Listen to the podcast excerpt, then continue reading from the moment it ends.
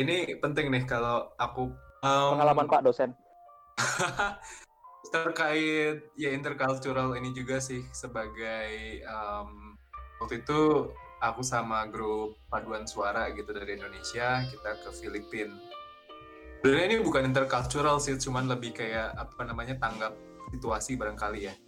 Kita ke sebuah provinsi di ujung utaranya Filipina, uh, namanya Vigan, V I G A N. Terus uh, setelah konser, setelah perform, kita tuh diundang sama um, wali uh, gubernurnya untuk makan malam gitu di di rumah kediamannya si gubernur ini gitu. Um, cuman dari kita kan nggak ada yang orang yang ngerti protokoler gitu dan gimana yang ngerti apa namanya dipersiapkan bahwa kita tuh akan berkunjung ke rumah gubernur gitu yang dengan segala uh, formalitasnya gitu. Terus kita turun dari bus pada saat setelah sampai di rumahnya ngelihat rumahnya dua lantai terus kita um, dijamu di ruangan yang cukup besar di lantai dua. Semua orang itu omonganku dengan semangat naik ke atas gitu terus ngeliat wow balkonnya bagus di luar ada taman gitu. Sementara si gubernurnya udah sebenarnya dia kayak menunggu di depan tangga itu mau mau kayak ya salaman datang salaman dulu gitu. Lain datang aja masuk langsung naik dan langsung semangat sendiri heboh sendiri gitu dengan um, lihat taman yang bagus begitu bagus ya. Terus itu sempat membuat tensi kelihatan dari si ekspresi muka si ibu gubernurnya ini bahwa dia kurang um, respect. Tapi untungnya ada beberapa orang di antara kami waktu itu yang yang yang paham situasi gitu. Terus langsung kayak mailin yang lain. Terus akhirnya uh, ya semuanya ya dengan baik terus kayak harus pakai di puji-puji dulu si ibu gubernurnya dengan segala macam basa-basi um, tentang betapa bagusnya tempat ini dan betapa menariknya uh, dan berterima kasih segala macam udah diundang. Kemudian setelah minum alkohol semuanya membaik sih. Jadi pesan moralnya mabuk-mabukan itu ya membuat suasana cair. ya Terus uh, aku ada cerita dari pas aku pindah pas aku pertama kuliah di sini. Jadi di minggu-minggu pertama perkuliahan itu um, ada dosen yang waktu itu kita harus kayak tugas kelompok gitu disuruh bikin project gitu terus kita apa namanya menunjukkan progres kerjaan ke dosen gitu asumsiku kalau di Indonesia gitu kan dia sebagai dosen uh, punya power gitu. Dia berhak ngomong apa pun dia berhak ngejelek-jelekin dia berhak kayak kasih masukan segala macam karena kita posisinya lagi belajar sama dosen kan. Tapi yang membuat aku menarik tertarik adalah dia, ber, dia bertanya dulu gitu. Setelah mendengarkan penjelasan kami dia bertanya um, bolehkah saya memberi masukan dengan kalimat itu tuh aku pribadi shock gitu. Dosen ya gitu. Kita harus nanya bolehkah memberi masukan apa? Enggak ya boleh dong kan ada dosennya gitu. Tapi um, setelah beberapa bulan di sini akhirnya aku paham gitu bahwa di sini dosen pun menghargai gitu uh, si mahasiswanya gitu. Jadi nggak nggak nggak langsung dan semena-mena menjelek-jelekan atau atau ngasih uh, on on solicited advice saran-saran yang nggak diinginkan. Dan itu uh, ke sininya aku jadi belajar gitu bahwa kalau mahasiswanya orang Sunda nggak bisa semena-mena eh lu bikinnya begini sih jelek nanti bisa kayak gitu. Eh, aku nggak tahu kayak apa di Jerman. Nah gimana tuh yang yang kul masih kuliah? Tuh berkomunikasi dengan dosen Jerman. Belum ada sih ya aku kalau aku kayak oh hmm, berkomunikasi ya. Paling situasi-situasi kayak gitu kan adanya pas kita berinteraksi langsung ngumpulin antara report atau kerja kelompok ya. Apa ya? Aku aku belum sampai bimbingan tesis juga sih. Cuma kayaknya aku sendiri belum ada kecuali um, ngumpulin protokol-protokol kecil untuk praktikum-praktikum labor-labor gitu. Tapi interaksi seperti itu interaksi di mana kayak bertukar pikiran dan segala macam enggak sih. Karena jatuhnya lebih kayak apa kayak ta sesi tanya jawab mengenai protokol yang udah ditulis sendiri. Jadi soal um, tata krama dalam beropini dan segala macam seperti yang dijelaskan Bang Ben kayaknya aku belum ada sih. Hmm. Nah kalau kamu ini Ben, kalau kamu ngajar, pernah nggak miskomunikasi? Um, uh, nggak mungkin secara nggak sadar pernah terjadi ya. Tapi um, aku sih uh, berusaha mencegah supaya nggak terjadi miskomunikasi sebenarnya. Di salah satu kelas yang ku ajar itu kan anak bachelor uh, tingkat satu uh, dan mata kuliah pertama yang mereka ambil pada saat mereka memulai perkuliahan gitu. Aku tahu anak-anak SMA di sini lulusan SMA meskipun pengetahuan bahasa Inggrisnya lumayan baik, gue bisa jadi ada mereka-mereka yang nggak pernah dipakai bahasa Inggrisnya gitu, jadi berkomunikasi dengan warga, teman, dan di sekolahnya dalam bahasa Swedia. Uh, dan aku karena bahasa Swedia aku nggak nyampe buat dipakai ngajar, aku dapat keringanan buat pakai bahasa Inggris. Cuman itu berusaha dengan dengan apa namanya kalimat yang lebih sederhana, lebih jelas gitu dan lebih uh, men mencoba supaya aku ngomongnya nggak terlalu cepat dan mencoba terus memastikan kalau mereka bisa keep up. Uh, untungnya aku ngerasa anak-anak sini kalau mereka ada bagian yang nggak ngerti mereka langsung spontan langsung apa namanya angkat tangan ya. gitu tolong diulang gitu. Nah, saya begitu. Um, Nah, kejadian juga salah satu mahasiswaku dia dengan jujur gitu dia datang, um, maaf saya punya uh, keterbelakangan gitu, dia kesulitan untuk mengikuti pelajaran.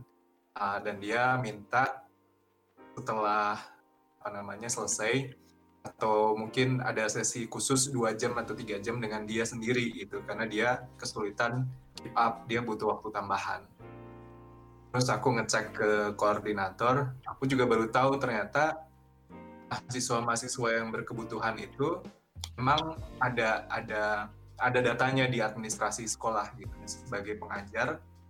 Kalau memang mahasiswanya anaknya minta sebagai pengajar diwajibkan untuk um, mencoba mengakomodasi gitu entah dengan pengajarnya langsung atau minta tolong orang lain. Aku baru tahu namanya buat buatku ini hal yang sangat baik gitu. Karena di Indonesia kan kita hmm. dengar hal yang kayak gini gitu. Terus si anak tersebut juga um, ada tugas kelompoknya kan di bagian mata kuliah itu.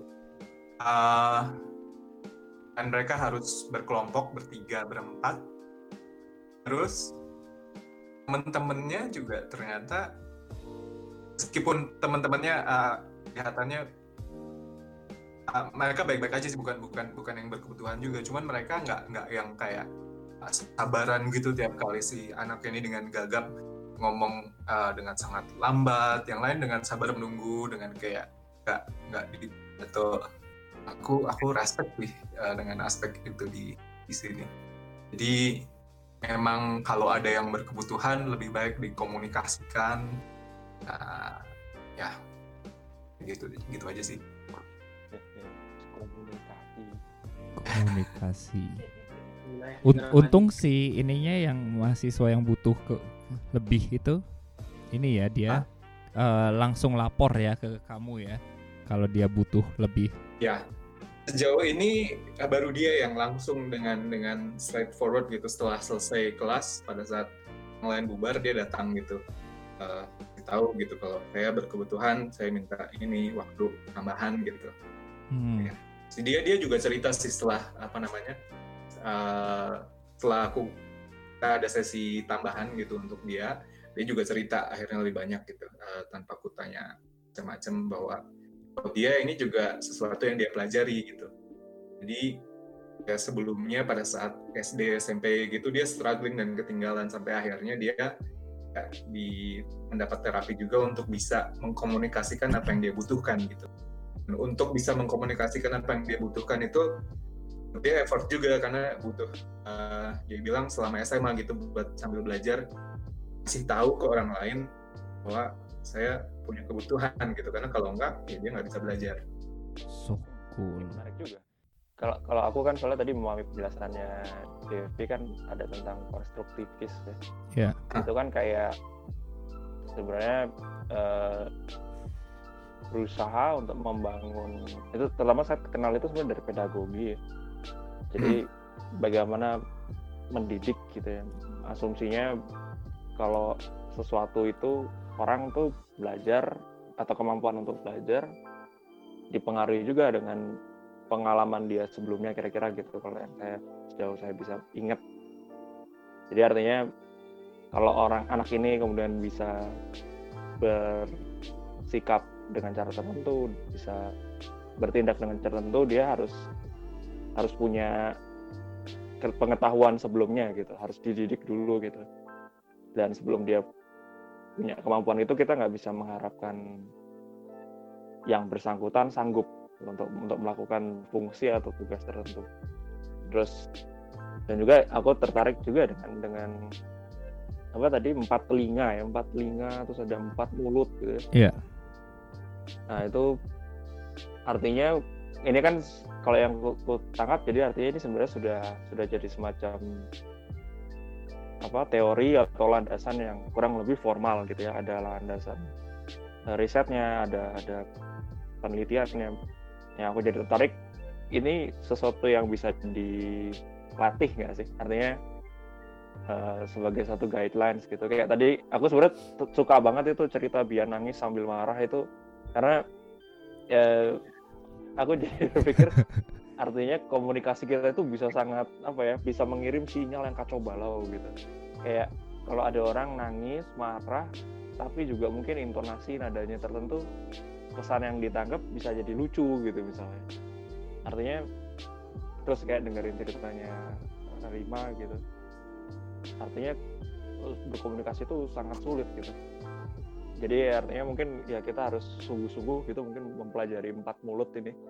Supaya kalau kita ngomong kita bersikap tuh nggak di, disalahpahami itu pun mungkin ya masih disalahpahami juga. Karena kan ada elemen penerimanya gitu ya. Jadi karena ya itu saya jadi makanya tadi teringat tadi itu marahin anak yang mukanya saya pikir cengengesan gitu. Tapi ternyata mukanya emang begitu emang mau bagaimana lagi gitu ya.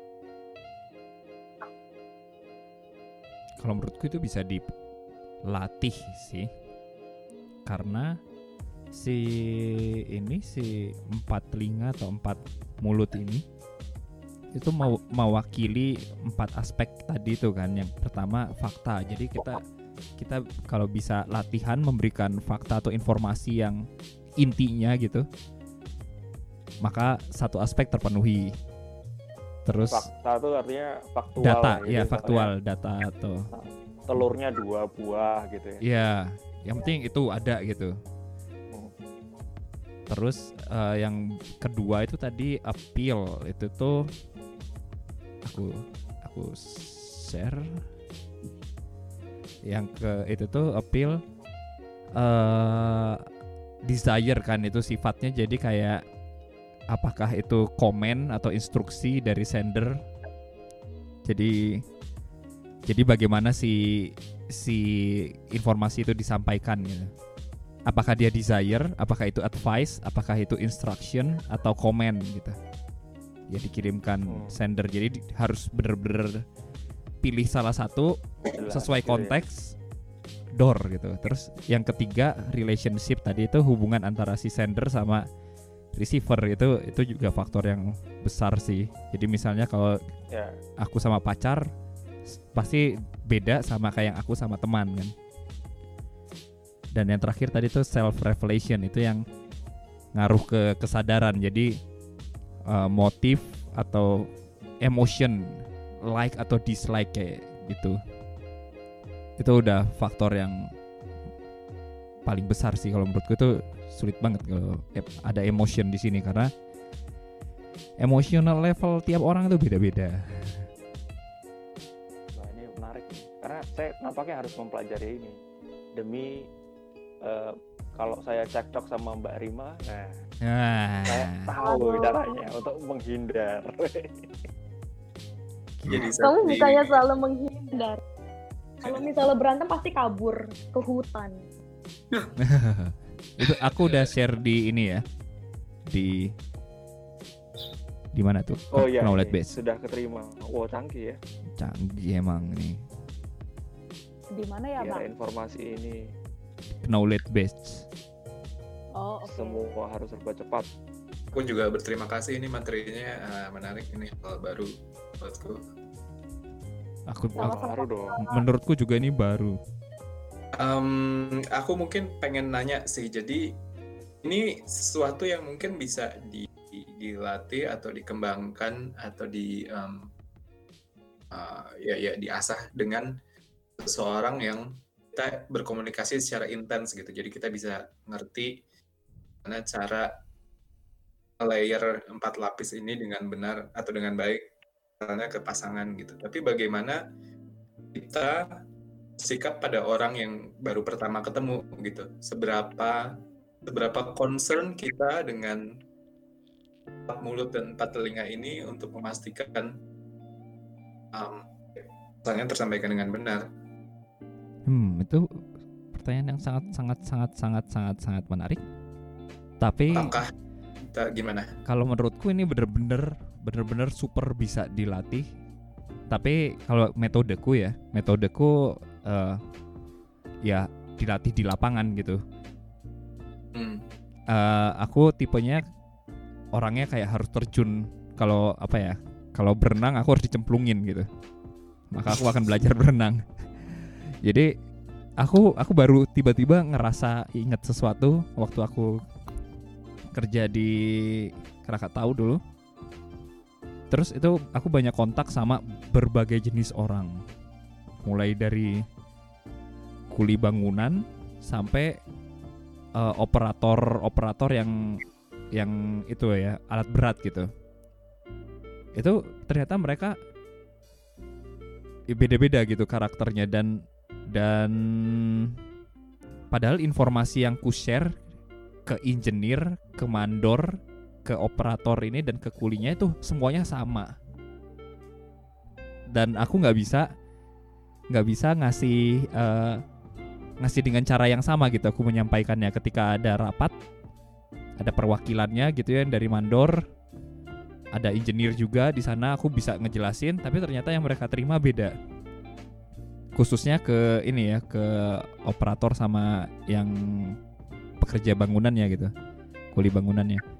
Akhirnya aku ya itu kalau kita lihat yang nomor tiga relationship gitu ya aku mem- membuat re- relationshipku itu bukan jadi antara aku sebagai eh, apa ya namanya ya engineer engineer dari pihak owner ke ke pekerja. Jadi aku menempatkan posisiku sebagai relationship sebagai sama-sama pekerja. Terus no misalnya nongkrong bareng di warteg atau duduk-duduk di pinggir laut. Nah itu mereka jadi ngobrolnya tuh jadinya eh, lebih buat mereka tuh lebih menyenangkan dan akhirnya mereka ngerti dengan baik gitu kerjaannya. Jadi kalau kalau dari sisiku yang aku mau sampaikan kita menempatkan diri di situasi tertentu itu penting dan tenang aja bisa dilatih Ben. Cuma cuma ya itu kalau metodeku aku harus cemplung dulu. Jadi itu kayak trial and error metode yang awalnya aku coba buat general tapi ternyata gagal terus aku akhirnya mengembangkan cara lain. Kelemahannya kalau orang baru aku harus kayak menganalisis ber- menganalisis bener-bener orang ini kira-kira seperti apa. Itu dia. Aku jadi jadi sulit gitu. Ya tapi dengan banyaknya pengalaman ketemu sama orang-orang maka skill itu harusnya menurutku bakal berkembang dengan sendirinya sih. Uh, mungkin aspek penting dari yang barusan mau ceritain juga uh, istilahnya me- me- melihat feedback dari orang yang disampaikan gitu ya. Maksudnya kayak oh iya cek responnya mereka gitu untuk supaya kitanya juga merespon balik gitu. Jadi nggak yang gue ngomong begini nih gue nggak peduli lu ngerti apa enggak. Gue ngomong ini belah tapi juga sambil itu kira-kira apa ya mungkin dari seperti yang Rima bilang ngelihat dari body language-nya Language, kalau ya. misalnya ekspresinya gimana terus kita kayak oh ini mungkin orang kurang nangkep kita agak menyesuaikan sedikit sambil belajar gitu ya. Hmm, hmm, hmm, hmm. itu benar itu. Kita harus ngelihat feedback ya. Benar. Maka ya sense kita akan terlatih. Jangan dilihat dari wajah ya, ntar kayak maestro. oh iya. Itu karma tuh bener